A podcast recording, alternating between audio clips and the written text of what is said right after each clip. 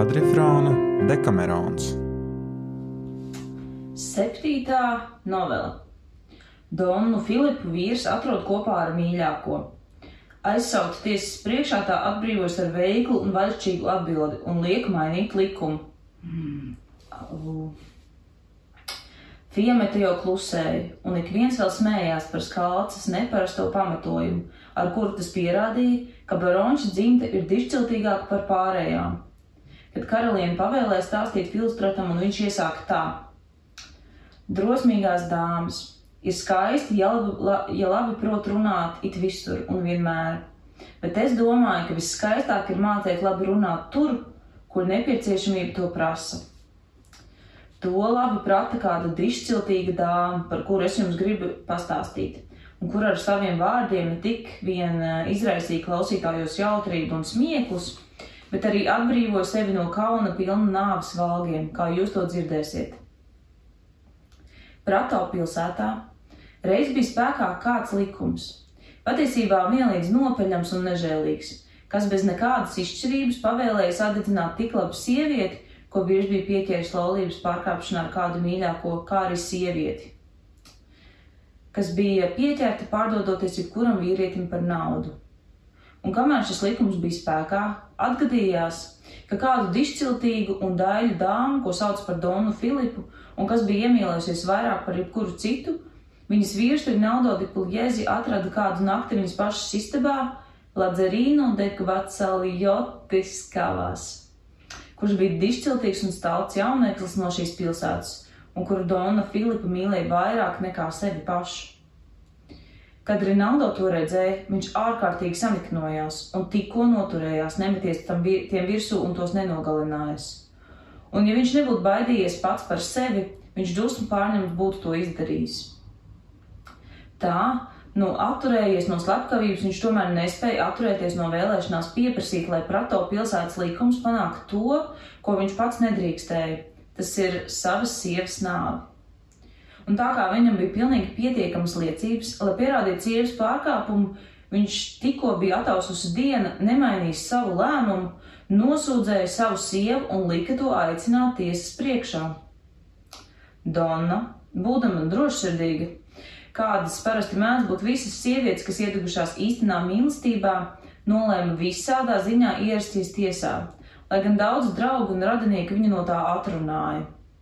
Tomēr viņa vēlējās drīzāk atzīt patiesību un drošu prātu doties nāvē, nekā gļēvi bēgt un par neierašanos tiesā dzīvot trimdā.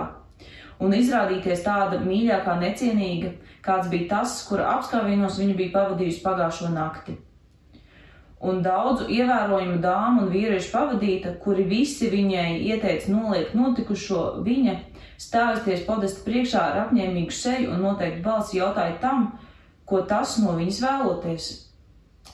Podesta. Uzlūkojis dāmu un redzēdams, ka viņa ir brīnuma daļa ar sevišķi cildināmu izturēšanos, un kā to liecināja viņas vārdi ar drošu prātu, sāka just viņai līdzi un baidījās, ka viņi varētu atzīties kādēļ tam, ja tas grib saglabāt savu cieņu, pienāktos viņu notiesāt uz nāvi.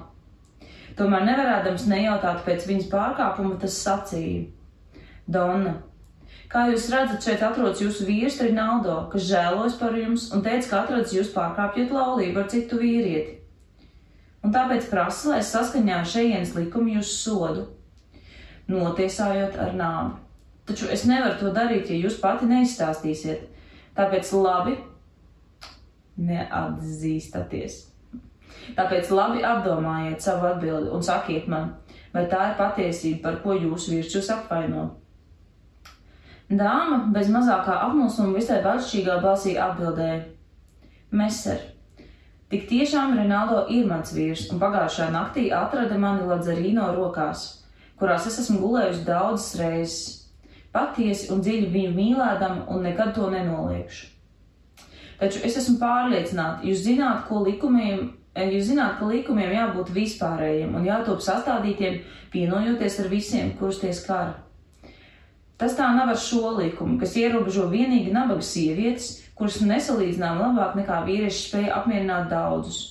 Un turklāt, kad pieņēma šo likumu, neviena sieviete tik vien kā neizsacīja savu piekrišanu, bet pat nevienai tā netika prasīta. Tāpēc ar pilnām tiesībām tādu likumu var nosaukt par ļaunu. Un, ja jūs vēlaties par pazudināšanu manai miesai un jūsu veselē būs šā likuma izpildītājs, tad tas ir jūsu ziņā. Bet pirms jūs pieņemat kādu lēmumu, es izlūdzos no jums maz labvēlību.